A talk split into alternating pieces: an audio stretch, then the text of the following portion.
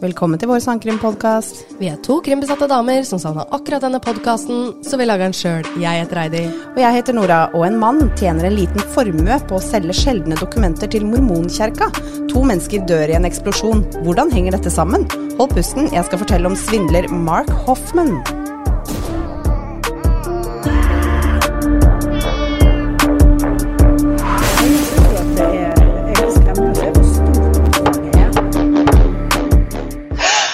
Hei, Nora. Hei, Heidi. Wow. Du, nå, jeg, jeg, altså jeg veit det var jeg som trykka på rekord, Ja. men jeg følte jeg tok meg sjøl litt på senga nå. For vi hadde sittet her og skravla, og så plutselig så bare Å, faen, nå må vi spille liksom.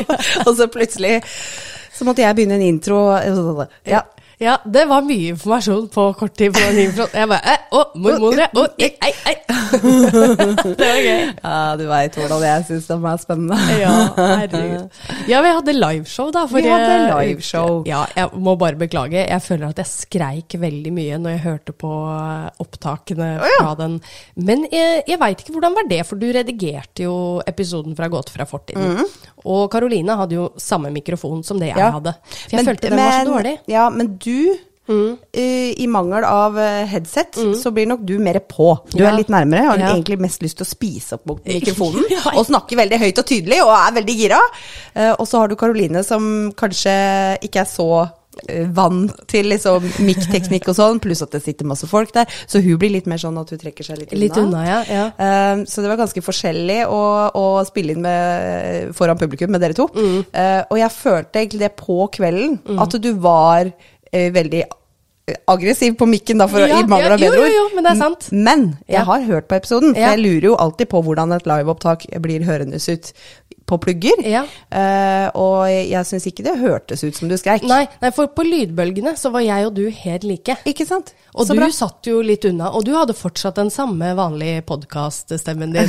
jeg tok på meg min vanlige Ja. podkaststemme. Og jeg prøvde det òg, men jeg følte at det, du merker jo noen ganger når du sitter til en mikrofon, om du det blir, Nå har vi holdt på såpass lenge, så nå veit du liksom hvordan det skal høres ut for at uh, volumet blir greit. Ja, ja. Eh, og den følelsen fikk jeg ikke i det hele tatt når uh, vi satt og hadde live. Nei, for det er vanskelig når du ikke har headset. Ja, det, er- det er veldig vanskelig. Og til og med når jeg satt meg lenger unna mm. mikrofonen, så ble lydbølgene veldig lave. Ja, ikke sant. Ja. Så det hadde jo faktisk noe å si at jeg Ja, ja. kanskje følte at jeg måtte skrike litt for å Ja, men det, men det skjønner jeg. Ja. Eh, og når jeg redigerte Gåter fra fortiden, så justerte jeg Karoline opp. Ja, ikke sant. Og du trengte jo ikke å justere Ja. deg ned, Nei. så jeg tenker uh, det funka fint, eh, Ja, det, ja det funka. I mangel på tilbakemelding så sier vi at det var bra. Ja.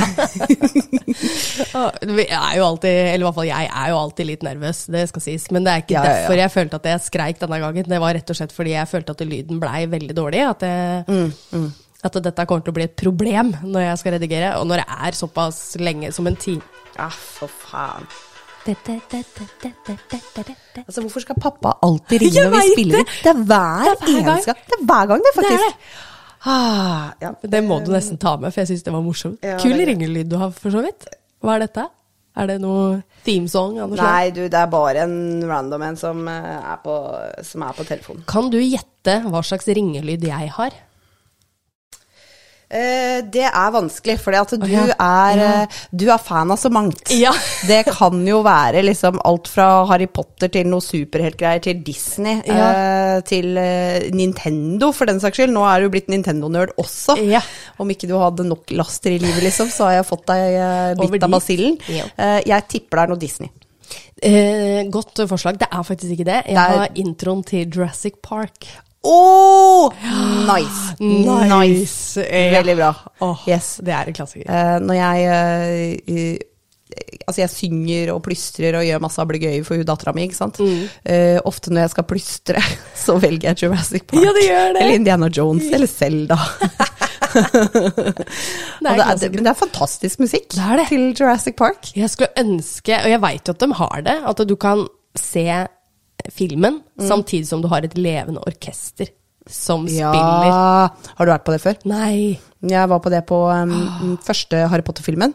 Hadde sånn uh, kino med orkester i uh, Oslo konserthus. Ja.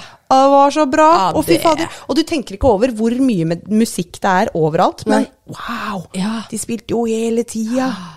Det var gøy, altså. Ja, dødskult. De hadde jo det De hadde det med Ringenes herre også, Mm. I Oslo konserthus, men den fikk jeg ikke vært med på. Nei. Men uh, det er veldig gøy. Det Det er veldig gøy. Herregud, det er, det er for så gåsehud, det, når jeg hører sånn. Jeg bare lurer på, så jeg ikke kanskje Love Actually sånn også? Det husker oh. jeg ikke. Jeg lurer på det. Er det mye musikk der? Ja, ja altså, det er, det er mye musikkfilm. Du bare, du bare legger ikke merke til det. Nei, nei, nei. Nei. nei, men det er samme i, i, nå i jula. Så jeg elsker The Holiday, for eksempel. Å ja. Ja, og når hun Cameron Diaz, er det ikke det hun heter? Jo, Jo, jo, hun løper på slutten der når hun har grinet fra taxien og sånn, så skal hun løpe ja. over dette jordet. Og den derre musikken som kommer da, jeg får så gåsehud. Åh. Og jeg har, jeg har jo laget en egen spilleliste på Spotify, som jeg gjerne tar fram når vi har litt vors, eller hva det er for noe. Og da har jeg sånne eh, temasanger, eh, og om det er Disney, filmer, TV-serier, spill, og, og folk skal gjette, ikke sant. De yeah. spiller av, og skal folk gjette. Herregud, du er akkurat sånn som samboeren min. Han også gjør det. Ja, gjør det? Ja, ja, ja. Åh, det er gøy. Han bare Ok, hva er det her, da? Hva er det her, da? var det her? da? Og jeg elsker det. Det er så gøy. Åh.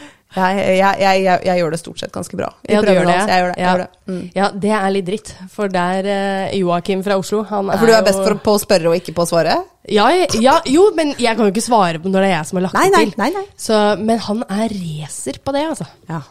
Men det er ikke rart, det. Han, jo, han har jo sett alt som er uh, av filmer. ja. Har ikke vi det òg? Uh, jo, men jeg kan noen ganger så kan jeg ha litt sånn Når det er gamle, gamle filmer Ja, som du ja. kanskje har sett én gang på 90-tallet, ja, så husker jeg ikke det. Nei.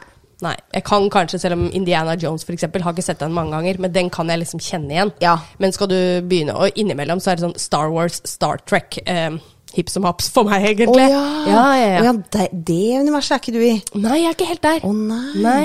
For jeg er Star Wars-nerd. Ja, ja, Men jeg elsker jo Baby Yoda, men det er jo den eh, an, litt Gro spin-off. Grogu heter han faktisk. Fra? Mandalorian. For da er den mm. Ja, Mandalorian, Ja. Mm, den syns jeg er bra. Jeg har en eh, T-skjorte med, med Grogu og en Starbucks-kaffe, og så står det 'No coffee, no worky'. Du så jo den jeg kjøpte i sommer. Ja, den derre lille groggen Ja. som går rundt på gulvet. Ja. Og den er jo egentlig originalstørrelse, og det syns jeg er litt Ja, det er veldig kult. Ja. Er veldig kult. I, I Danmark så har de jo sånn nerdebutikk som ligger nesten oppe ved tivoliet, men den Ja. ligger liksom i en bakgate. Og det er sånn Ja. Ikke, tre etasjer, men det er tre butikker som ligger vegg i vegg. Okay. Og da har du én butikk som liksom har filmer og sånn, så har du én butikk med bare kostymer, og så har du én butikk da med figurer, Div merch. merch Ja, og sånt ja. noe. Og så Du- så jeg den. Jeg bare ser for meg at du klikka i kostymebutikken eller eller? Du, jeg fikk ikke vært innom den. Fordi vi kom der, det stengte tror jeg klokka fem. Vi var der ti på fem. Å, herregud. Og så sier Joakim ja, men vet du hva, vi reiser tilbake i morgen. Så da tenkte jeg ok, da stresser jeg ikke. Ja. Eh, men så blei vi sånn derre oi fader, eh, vi skulle jo videre da til Tyskland. Og så var det sånn søren, vi må jo rekke den båten. Og da oh, ja. fikk vi ikke gått innom. Nei. Det var kjipt. Blir en tur til til København, da, med andre mm, Mhm. Neste gang veit jeg hvor jeg skal. Ja, det er strak av vei. Yes. Du, har, du har ganske mye kostymer, har du ikke det? Eh, Jo. Du er, du, Hva tror du det går i? vil, du, vil du definere Ja. deg sjøl som cosplayer? Eh, på bursdager og fester, ja. Men det er ikke sånn jeg bare tar på meg en kostyme og bare yo, yo, jeg står her Nei. aleine i kostyme. Nei, nei, nei, men, Nei. Du, men du, du gjør det veldig gjerne hvis du har eh, anledning til det. Ja, jeg, jeg liker temafester, og Jeg jeg, tok på meg En gang gjorde jeg det faktisk. Det var eh, venninna mi, dattera hennes, ble Mm, tre, og hun elsker Elsa. Ja, og du har kjolen, du. Ja, jeg har to, faktisk. Ja. ja. Og så hadde du da det lange, lyse håret. ja. Ja. Med fletta, og hun syntes jo dette var så stas. ja, det skjønner jeg. Ja. Men hun kjente deg vel igjen? Eh, Eller? Ja, ja, ja, Ja. det tror jeg hun Ja. gjorde. Ja. Men, eh, Men uh, du er ganske lik, ja. Ja, ja. Jeg husker jeg, For et par år siden, jeg har jo sånn årlig hyttetur, og Mm, da, da tok jeg eh, Jeg hadde film- og Disney-tema. Så jeg hadde sånne røde løpere, jeg hadde gjort dette Ja, skikkelig ja, kult. ja, ja, stemmer det. Og da var jeg jo Deneris fra Game of Thrones, ja, stemmer. så jeg har Men, jo ja, for det, det husker jeg du skulle ja, ha. ja, da hadde jeg brekt beinet, husker jeg, så Ja, det var helt krumlete. Men ja. Og et eller annet vi snakka om hvor jeg bare Å, du må få med deg et eller annet som jeg Ja. hadde Eller et eller annet. Mm. Jeg husker ikke hva det var vi snakka om. Nei. Nei. Ja, men det, det var Jeg venter fortsatt på invitasjonen min. Ja, ja, ja. ja jeg bare, nå som strømregningene er så dyre, ikke sant, så er det jo sånn mamma og pappa er litt sånn ikke vil bruke hyttene og sånt noe. Så, og så er det jo litt De har lyst til å prøve å leie ut Stavern, for de får ganske godt betalt for det midt i fellesferien. Og det skjønner jeg. Men da har de veldig lyst til å ha eh, både før og etter fellesferien sjøl, og det skjønner jeg. Selv om jeg ber bare om en helg, så er det liksom de har jo ikke lyst til at de må være hjemme en helg bare fordi at jeg skal dra med masse folk ned på hytta.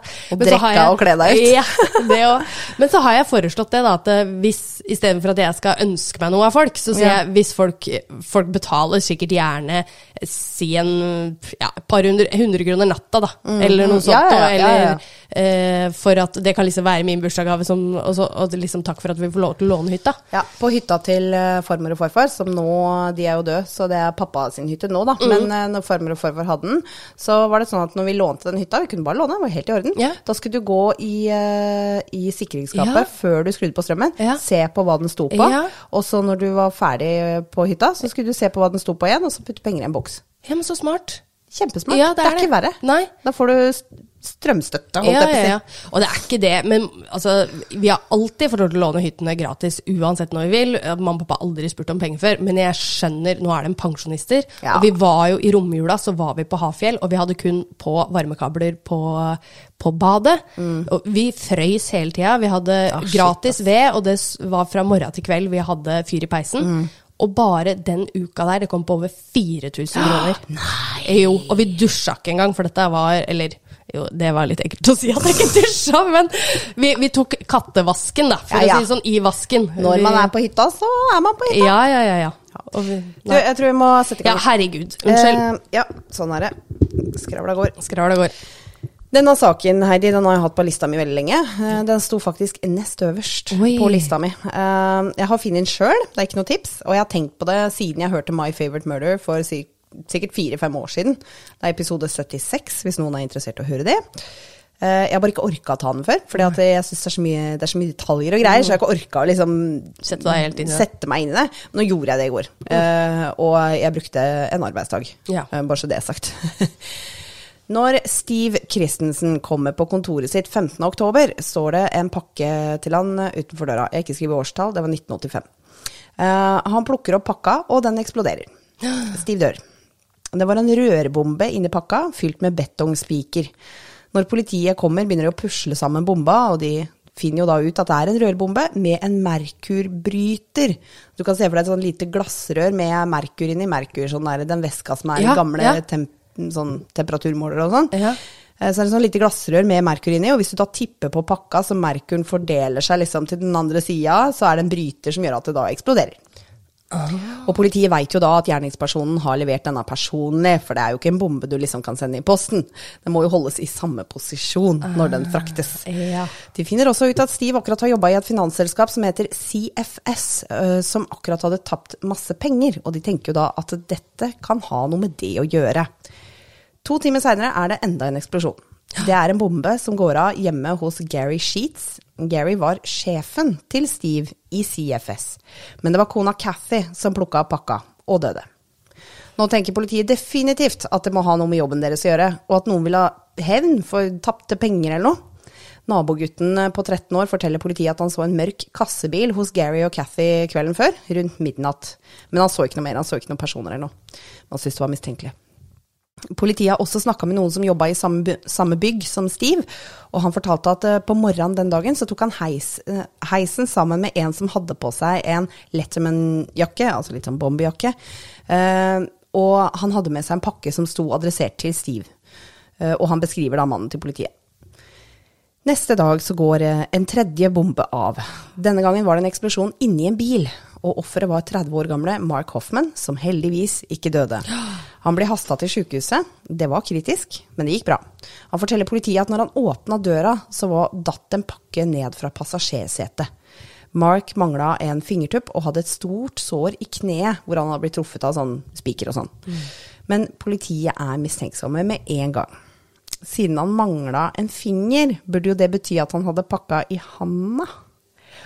Også hvordan bomber eksploderer, og retningen spikra går inni Altså går på en måte flyr ut da når det eksploderer, gjør at historien hans er merkelig. Fordi han sier han sto utafor bilen, men det kan han ikke ha gjort. Han må ha sittet inni bilen og lent seg over pakka. Ah, ja, ikke sant? Politiet søker gjennom huset til Mark og finner jakka som er beskrevet fra heisturen den morgenen Steve døde. Og Mark har også en mørk kassebil. De finner også kruttpulver likt det brukt i bombene i huset hans. Mark hevder sin uskyld og krever en løgndetektortest. Og han får det, og han består 100% Oi! Ja. Så det, det var en liten sånn eh, eh, Det var på en måte resultatet. Okay. Eh, og her kommer på en måte hele historien. Det her er jo i, i Salt Lake City i Utah, og da må vi snakke om mine favorittraringer. Ja. Unnskyld eh, som vanlig eh, hvis du hører på og er mormon. Jeg mener ikke negativt rar, jeg bare syns hele religionen din er utrolig spennende. Så eh, litt bakgrunnshistorie på mormonere. Dette her har jeg snakka om før, men jeg tar det sånn veldig kjapt. I 1859 så oversatte Joseph Smith en rekke gullplater som han hadde fått av en engel. Og Det blei til Book of Mormon, eller Mormons bok, og sånn starta den mormonske kjerka. Det er jo på en måte en slags type kristendom. De har jo også vanlig bibel, men de har denne her i tillegg. Ingen har noen gang sett disse gullplatene, ikke sant? Nei. Det er bare Joseph Smith. Eh, tidlige mormonske beretninger var full av historie om skatter, og dette bare fortsetter og blir til et voksende marked for historiske tekster og ting. De er opptatt av å bevare sin historie, og de ser på det som en plikt. Det er veldig mange samlere, og det er mange som har det som levebrødet sitt, å kjøpe og selge og samle historiske dokumenter, brev og bøker. Og Mark Hoffman, han var en rockestjerne innen denne verden. Allerede når han var universitetsstudent, så fant han sin, sitt første funn. Det eldste mormondokumentet noensinne funnet. Dokumentet hadde mange merkelige symboler, og på baksida var en erklæring og en signatur av sjølvesten Joseph Smith. Eh, Mark hadde kjøpt en gammel bibel i en um, bruktbokhandel, og forhandleren sa at han hadde kjøpt bibelen av barnebarnet til søsteren til Joseph Smith. Og han hadde bare lagt bibelen på spisestuebordet. Kona hans så den der og satte seg for å bla i den, og noen sider var klistra sammen, og da ropte hun på Mark. Og når de fikk sidene fra hverandre, så lå dette dokumentet inni den bibelen. Da. Og det var det som inspirerte Mark til å bli dokumentforhandler, og det var i 1980. Ja. Eh, Mark er født i 1954 i Salt Lake City i Utah. Og foreldrene hans er jo da så klart praktiserende mormonere. Han gjorde det ikke sånn veldig bra på skolen, men hadde mange interesser utenom det akademiske. Nå, når jeg hørte på den My Favorite Murder-episoden på nytt, så sa de faktisk det der at han hadde en IQ på 169. Oi. Ja.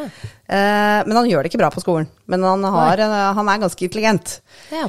Når han var tolv år, så blei han interessert i å samle på mynter og frimerker. Og når han var 15 år, hadde dette utviklet seg til mer spesifikt å lure på hva er det som egentlig gjør en mynt verdifull og sjelden.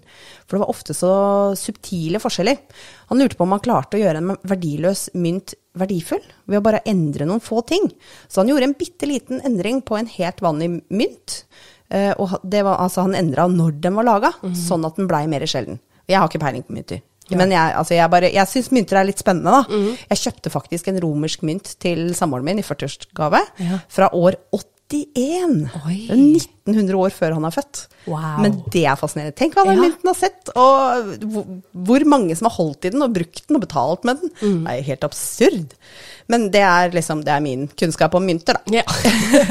Men uh, for å prøve å forklare det jeg har lest han gjorde, da, var at han maskerte på en måte mynten så kun årstallet var synlig, og så bygde han det opp med noe materiale, og så brukte han en såkalt galvaniseringsmetode for å lage et mer sjeldent årstall. Og han var, altså, han var 15 år. ja, det er bra gjort. Så tar han med mynten til myntforhandler, og myntforhandleren eh, tilbyr han 1000 dollar. Oi. Hvis den går igjennom en inspeksjon fra US Treasury Department. Og Mark, 15 år og bråkjekk, han blunker ikke og sier ja, bare send den inn. Og den ble godkjent. Og Mark tenker at hvis myndighetene sier den er ekte, da er den jo det. Ja, ja, ja. ja.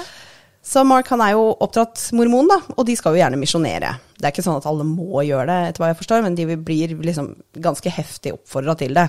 Så når han var 19 år, så dro han til Bristol i eh, Storbritannia, og det var i 1973. Med tanke på forhistorien jeg fortalte, og om hvordan Joseph Smith fant disse gullplatene. Han ble fortalt hvor de var, av en engel, men du kan jo tenke deg det er mange som er skeptiske til det. Og spesielt når det er så ny religion. Jeg vet ikke, det er, det er liksom lettere å svelge at det var noe som skjedde for 2000 år siden. Det er, det er 1859, det er jo ikke lenge siden. Nei, det er ikke det. Så du kan jo tenke deg da at det er mange som er skeptiske, eh, av liksom ikke-mormonere, da. Eh, og når Mark da ikke misjonerte i Bristol, så brukte han tida der i bruktbokhandler og leita opp gamle bøker, og han var spesielt da interessert i kritiske bøker. For eksempel så er det en historie om hvordan Joseph Smith fant noen menneskebein og sa det var self som tilhørte urbefolkningen Lamanite. I Book of Mormon så står det om fire gamle urbefolkninger i USA, og en, en av de skal uh, ha beskrevet å bli uh, De har blitt forbanna med mørk hud.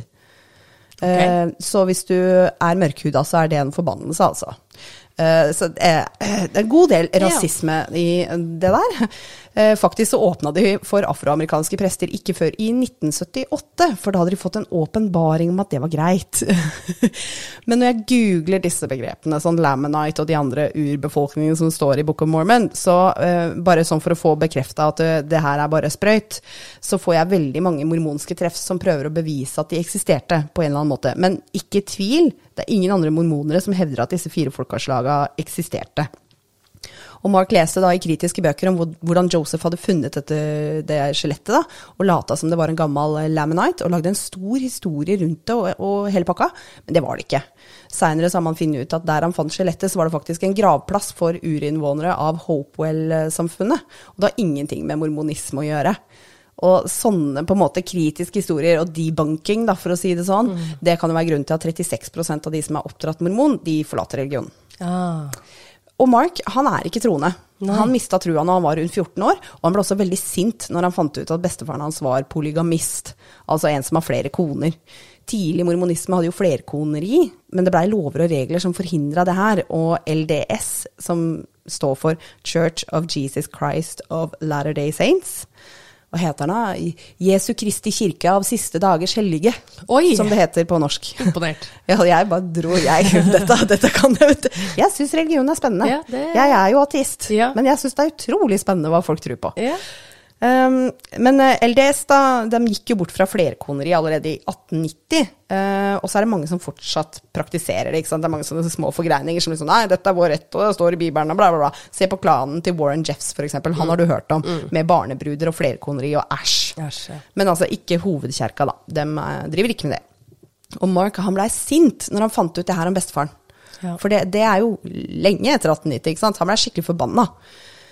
Så jeg tror egentlig han var sinna på hele kjerka, og alltid tror på. Uh, og han, Mark han ser nok på Joseph Smith som en litt sånn lurendreier, en som forfalsker historien, men en, han syns nok kanskje bare det var litt artig hvordan hans historier og løgner overbeviser folk i dag. Men holdningen hans overfor kjerka er hardere. Mm. Så Mark han flytter tilbake til Utah i 1975 og blir universitetsstudent. Etter eh, påsken det året så skrev han et brev til moren sin som refererer til en samtale de har hatt. Han skrev Uh, det er veldig pussig brev å skrive til mora si, men ok. Han skrev Kjære mamma. I påsken uttrykte du din bekymring over visse materialer i kjerkas arkiv som ikke burde bli offentlig kjent, fordi det kan skade kjerkas rykte. Du finner en trøst i at ledelsen er enig med deg, men du virker nervøs over at jeg ikke er enig med deg. Ok. Uh, ja, så det er klart at når det er en så ny religion Altså, ja, jeg, jeg, jeg kommer til det litt lenger ned her. Ja. Um, Mark eh, gifter seg med Dorely, også kalt Dory, i 1979, og paret får eh, med tiden fire barn. Oh, ja. Men de skiller seg i 1987, og du skjønner etter hvert hvorfor. Det er usikkert om han forfalsket for å irritere kjerka, eller om han bare lukta penger. Ja, personlig så tror jeg det var begge deler. Mm. Og det er i april 1980 at Dory ser bibelen som Mark har kjøpt, ligge på stuebordet. Bibelen var publisert i 1688. Dory oppfordrer Mark til å ta med dokumentet til universitetet, hvor akademikere blir forbløffet over funnet. Altså, det er så interessant hvordan han For han har naturligvis forfalska dokumentet. Mm. Ja, ja. Eh, men hvordan han gjør det, er så jævlig bra. Mm. Han har en historie om hvem han kjøpte det fra, og han har sikkert kjøpt boka i en bokhandel, smette dokumentet inn der, sånn for å lage et liksom, papirbevis, eller paper trail, for seg sjøl. Mm. Og så har han lagt det på stuebordet, og så lot han bare kona får oppdage det. Ikke sant? Ja, det er ikke som om han sier 'se hva jeg har funnet'. Nei. kona hans gjorde det. Og kona hans oppfordrer han til å gå til universitetet. Da er du menneskekjenner. Ja. Når du veit akkurat hvordan hun kommer til å reagere. Det er altså faen, dette er gjennomtenkt. Han er ganske Ja. sleip, altså. Ja. Uh, altså det er et utrolig sjeldent dokument. da. Dokumentet er et som ble tatt med til lingvist Charles Anton i 1828 av en nyfrelst mormon ved navn Martin Harris, for å verifisere symbolene som er kopiert fra gullplatene. Martin Harris er for øvrig en viktig person i seg sjøl, for han er sekretæren til Joseph Smith. Nå må jeg bare google Heidi, at jeg ser at disse årstallene, det blir litt tullete. ja. Eh, Nå må jeg bare dobbeltsjekke. Når er det mormonisme starta? Ja, ikke sant. Ok. Eh, der har jeg tydeligvis uh, fått feil eh, detaljer på begynnelsen, for jeg sa vel at eh, han fant de gullplatene i 1859. Det stemmer ikke. Nei. Eh, skal vi se litt øyeblikk, bare. Eh, det kan jo Det var tidligere. Den, regionen ble grunnlagt i 1820. Ja. Ja, så da sa jeg feil på begynnelsen. Uh, og dette her var da i 1828, hvor uh, en nyfrelst mormon, som også er da sekretæren til uh, Joseph Smith, tok med da et dokument for å få verifisert at disse symbolene er et språk. Det er ikke bare jabbel. Dette møtet fant sted, det veit man, men resultatet fra møtet er usikkert. Noen mener at Charles verifiserte det hele, og andre mener at han sa det bare var tull. Men dokumentet som ble tatt med til han lingvisten, det ble ansett som tapt. Helt til det nå dukker opp i bibelen til Mark. Og siden det er et så sjeldent dokument, så blei jo de researcherne som han tok det med til på universitetet, de ble jo helt gira. Og Mark satt der med pokerfjes, vet du.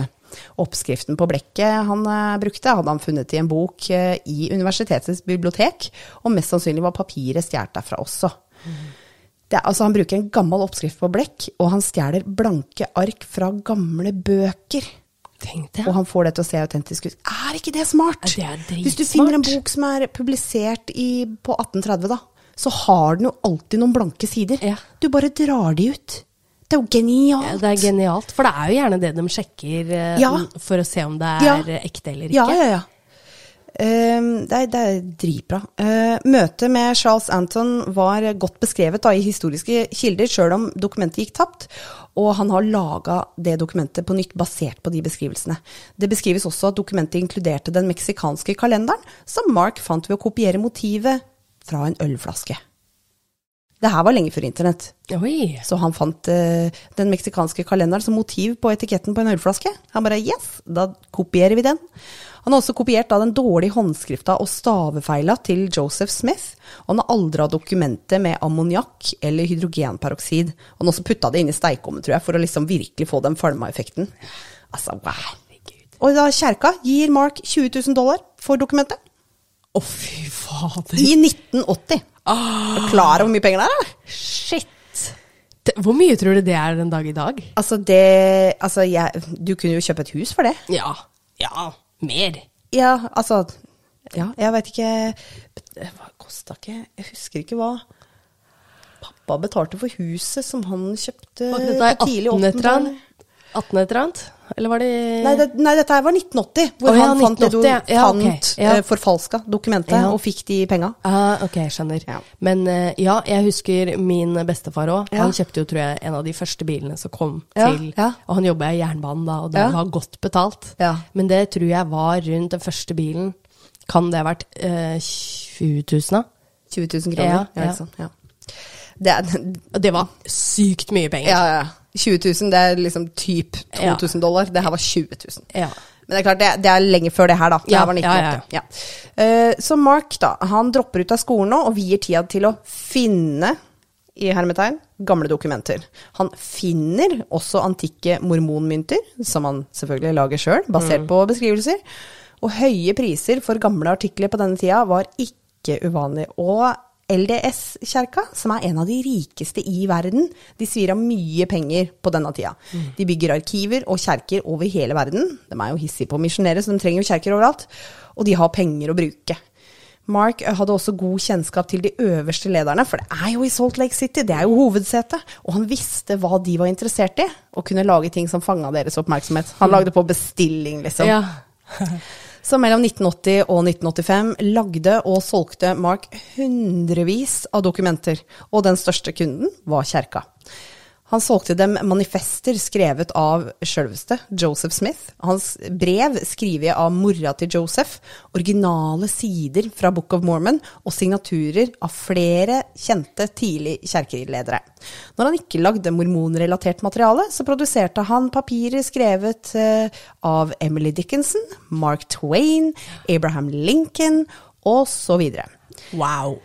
Altså, du kan jo skjønne at en institusjon som har en så stor interesse for historie, vender tilbake til samme forhandler. Men det er jo rart at en mann kan finne så mange ting igjen og igjen og igjen.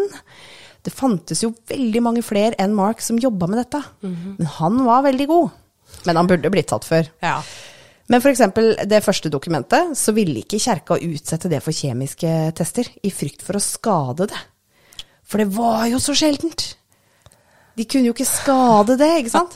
Og etter hvert da, når han selger mer og mer, så får han jo et godt rykte. ja. Og så er det noe med det derre sunk cost fallacy, ikke sant? Du har hørt om det? Det at jo mer penger du investerer, jo vanskeligere er det å gå vekk. Fordi hvis han, hvis han nå kommer med noe som ser litt rart ut, og du stiller spørsmålstegn ved det, hva med alt, Alt det andre? andre, ja. Alle de penga du har investert, ikke sant? Så da trenger man ikke undersøke så nøye.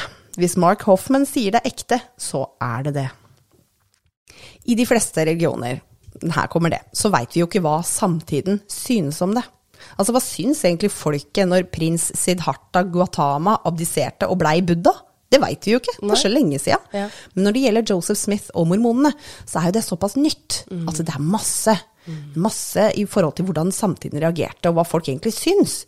Og det er en del informasjon som kunne vært litt av en skandale om det kom ut, visstnok. Og det er det hun eh, jeg tenker han refererte til i det påskebrevet. At det er ting som kjerka har i arkivet sitt som ikke de publiserer. Nei, ikke sant? Ja. For eksempel så hadde Joseph Smith to koner, og gifta seg med hun ene når hun var under 15 år. Og det er sånne ting som kjerka er lei av å snakke om i 1980. Det er noe de har liksom måttet uh, forsvare og, og svare på i alle år. Og de vil gjerne ha da alle historiske dokumenter sjøl, for å ha litt kontroll. Noen av dokumentene som Mark lagde var positive, men mange andre ville skada ryktet til Joseph Smith og kjerka. Men er det, er det dokumenter han har lagd som Ja, ja. sier at uh, han hadde to koner, eller Nei, nei, nei, nei det veit vi. Det, Det- vet vi. Okay. Ja, det vet vi.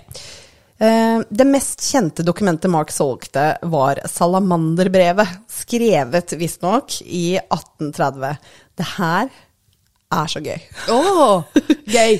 I dette brevet beskriver Martin Harris, som jeg nevnte tidligere, som, eh, han som var sekretæren til Joseph Smith, han beskriver sitt første møte med Joseph. Og han har også da skrevet ned Joseph sin beretning om hvordan han fant gullplatene. Og at han ikke fikk gullplatene av en engel, men av en ånd som manifesterte seg i form av en hvit salamander. Og dette tror folk på. Mark solgte det brevet til Steven, Steve Christensen, som vi snakka om innledningsvis. Ja. Og han var da en mormonsk eh, biskop og dokumentsamler. Det er jo merkelig og helt utrolig. Eh, men er det mer utrolig med en hvit salamander enn en engel? Nei, nei, hvis du Altså, ser sånn på det. Nei, egentlig ikke. Nei. Mark solgte brevet til kjerka for 40 000 dollar. Ja. Han forfalsket også Oath of the Free Man, som er ansett å være et slags førsteutkast til uavhengighetserklæringa. Det er et dokument på én side, og det, det er det første på en måte trykksakene. Det er det første som er trykt i USA, og den ble trykt i da 1639. Det blei trykt 50 kopier. Ingen eksisterer i dag. Oi. Men Mark Hoffman, han, Han hadde hadde funnet et. Ja, selvfølgelig. Hadde det vært ekte, så hadde det vært veldig verdifullt. Mm. Og vi snakker over en million dollar, og det i 1985. Han fant det inni permen i en bok i en bokhandel, og han hadde jo selvfølgelig plassert det der sjøl. Så kjøpte han boka for 25 dollar for å lage et papirspor for å styrke historien sin. Han begynte å forhandle med Library of Congress, men salget blei forsinka da de ville undersøke det litt nøyere. Bra. Ja. Og under denne forsinkelsen så fant Mark enda en kopi Nei, av Oath of the Free Man. Altså, han har flaks, den mannen. Han har nå han har funnet eh, Salamanderbrevet, masse signaturer av kjente folk, upubliserte dikt av Emily Dickinson, som blei kjøpt av et bibliotek. De hadde kronerulling for å kjøpe de dikta. Oi. Og på toppen av det hele, ikke bare én, men to Oath of the Free Man, som ingen noen gang har funnet før. Det spøker litt for kredibiliteten her. I ca. samme moment da, så hadde han kjøpt en stor samling fra New York. Han kjøpte samlinga for 200 000 dollar, Wow. eh, og det, skulle selge det videre for 300 000 dollar. Og for å kjøpe den samlinga, så har han faktisk lånt 185 av en kompis. Mm Eh, Den fikk navnet McLellin-samlinga etter William McLellin. McLellin var en tidlig mormon som til slutt faktisk ble kasta ut av kjerka.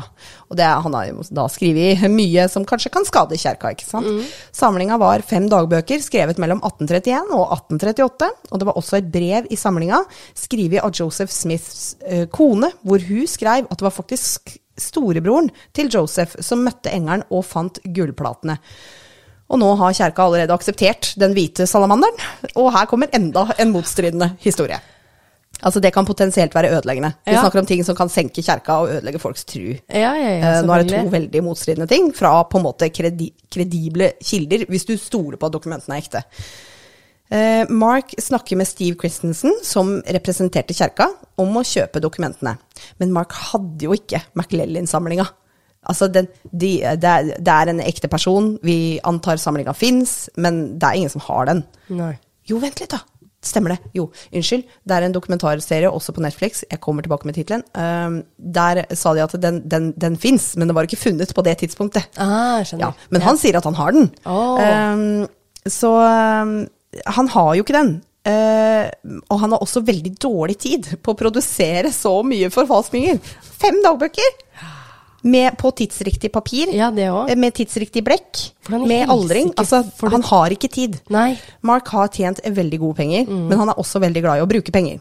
Han kjøper mange sjeldne førsteutgaver av bøker, sånn helt ekte, for han er genuint interessert. Ja. Og han kjøper masse sportsbiler, og han generelt har et høyt forbruk. Og nå blir han jo da selvfølgelig plaga av folk som skylder ham penger. Og salget av eh, Freeman tar for lang tid. Eh, Det var nok motivet for å prøve å få til et salg av McLellin-samlinga, som han ikke hadde. Og Steve hadde allerede betalt forskudd på samlinga. Og når han begynner å presse, presse Presse. Når han begynner å presse Mark for å få samlinga som han har betalt for, så trenger Mark å kjøpe seg tid. Salget av Oath of the Freeman gikk ikke gjennom. Han fikk avslag tidlig i oktober i 1985. Og Mark kunne gjort tusen andre ting, men han lager en bombe. Han skulle egentlig møte Steve 11. oktober for å snakke om salget, men Mark møtte aldri opp. Steve truer med politianmeldelse og truer med å kaste han ut av kjerka. For han er jo fortsatt medlem, sjøl om han Ja. ikke tror. Ah, ja. For det er viktig å ha litt Ja, kontakter, ikke sant. Ja. Så er det da 15. oktober, fire dager etterpå, når bombene dreper Steve og Cathy, da, eh, kona til tidligere sjefen til Steve. Eh, og den tredje bomba veit man ikke helt hva han hadde tenkt til å gjøre med. Nei. Mark sier sjøl at han skulle ta sitt eget liv, men mest sannsynlig så hadde han et offer til. Han eh, glapp bomba i bilen og prøvde å fange den opp igjen når den eksploderte. Sjøl så sa han først at han var uskyldig, og han besto jo løgndetektortesten glatt. Altså, tenk bare det. ja. Da er du, da er du, da er du rolig som skjæra på tunet, altså. Um, men politiet de hadde overveldende mye beviser mot han, og han ville jo ikke ha dødsstraff, så han sa seg da skyldig i second degree murder to ganger. Uh, og det er jo litt rart, fordi second degree betyr at man dreper noen med vilje og hensikt, men at det ikke er planlagt. Okay. Og bomber krever jo gjerne litt planlegging. Ja. Men som sagt, dette kan være en avtale som han fikk til. Jeg nevnte jeg det at han var sjarmerende og hadde utrolig høy IQ? Ikke sant? Ja. Han blei dømt til livstid, og kona hans ba om skilsmisse kort tid etterpå. Og det tok han så tungt at han prøvde å ta livet sitt i fengsel, men de fikk redda han. Men det tok litt tid før de fant han, og han ble liggende oppå høyrearmen sin, sånn at han fikk permanent nedsatt funksjon i armen. Han kan aldri forfalske med den handa igjen. Ho-ho-ho, karma. Det er jo litt det. Ja. Nå har han så klart ikke forfalska noe siden, men det er en stor opprydding som må gjøres etterpå. For han er ekstremt god. Han bruker i riktig blekk, riktig penn, riktig språk, i riktig papir. I kjerka har de sortert ut 446 artikler fra arkivet som de hadde kjøpt av Mark. Ja, for det òg, De har jo kjøpt så mye. Hvordan Ja. skal de klare å skille Ja. mellom og huske okay, Ja. hvilke dokumenter har vi kjøpt av han? Ja, det må Det jo må være loggført. Ja, det må jo det. Men altså Han har jo ikke bare solgt i kjerka, han Nei. solgte også til auksjonshus, som Ja. solgte videre. Og han solgte ting i hele landet. Herregud. Men tenk, tenk hvis jeg og du hadde kjøpt et sånt dokument på Ja. en auksjon, da. Ja. Vi får jo ikke pengene våre tilbake. Nei. Nei. Men det må jo være noen forsikringer eller noe sånt i forhold til auksjoner, for de er jo pålagt å Altså- vite at det her er ekte. Mm, ja, Eller- ja, ja, jo, jo, Ja. jo, jo. Hvis Ja. du kjøper av auksjonshus, ja. Men hvis du kjøper av Mark direkte Ja, det er noe annet. Altså, det er ikke som om jeg kan eh, lurt, Hvis jeg kjøper noe på Finn, og så Å, faen, det gikk i stykker, eller Oi, dette her var dårlig. Jeg kan jo ikke gå til selger og si du, Det her var dårlig, kan jeg Nei. få tilbake pengene mine? Nei. Jeg kan selger bare si nei. Ja. Men det kan jo hende at han blir dømt til å betale tilbake, men han har Ja, ikke noe penger. Nei, nei, jeg leste ikke noe om det, Nei, faktisk. da blir han du- hadde i tillegg faktisk ganske mye gjeld. Ja. Ja. ja, for da går jo mest sannsynligvis disse sportsbilene og alt mulig sånn går til å nedbetale Mm. banker og sånn først, ikke privatpersoner, tenker jeg. Og Dory droppa han som en varm oh. potet. Hun bare nope, dette, Nope. dette orker jeg ikke. Nei, det, ja, men det skjønner jeg jo. Det ser vi jo stort sett i alle sånne Ja. krimsaker hvor de Ja. har vært gift og sånt noe. Så, så skiller de seg ganske fort etterpå. Ja. Nå er han eh, I dag så er han 68 år. Han har sittet inne i 36 år, og han er der ennå. Han lever ennå, ja. Han lever. Ah, Han har aldri gitt noe intervju til pressen, og han skriver bare brev til familien. ja. Og så fins det en tredelt dokumentar på Netflix som heter 'Mord blant mormonene'. Som i hvert fall jeg syns var veldig interessant. Anbefales for de som er spesielt interessert. Du, den mener jeg jeg har, sett, men det har jeg jo tydeligvis ikke. da. Tydeligvis ikke. Nei. Da har jeg sikkert hatt planer eller lagt den Ja, til lista mi. ja, ja. Er det den, ja? Det er den. Nei, men så spennende. Herregud. Ja, det var eh, det jeg hadde. Hva syns du?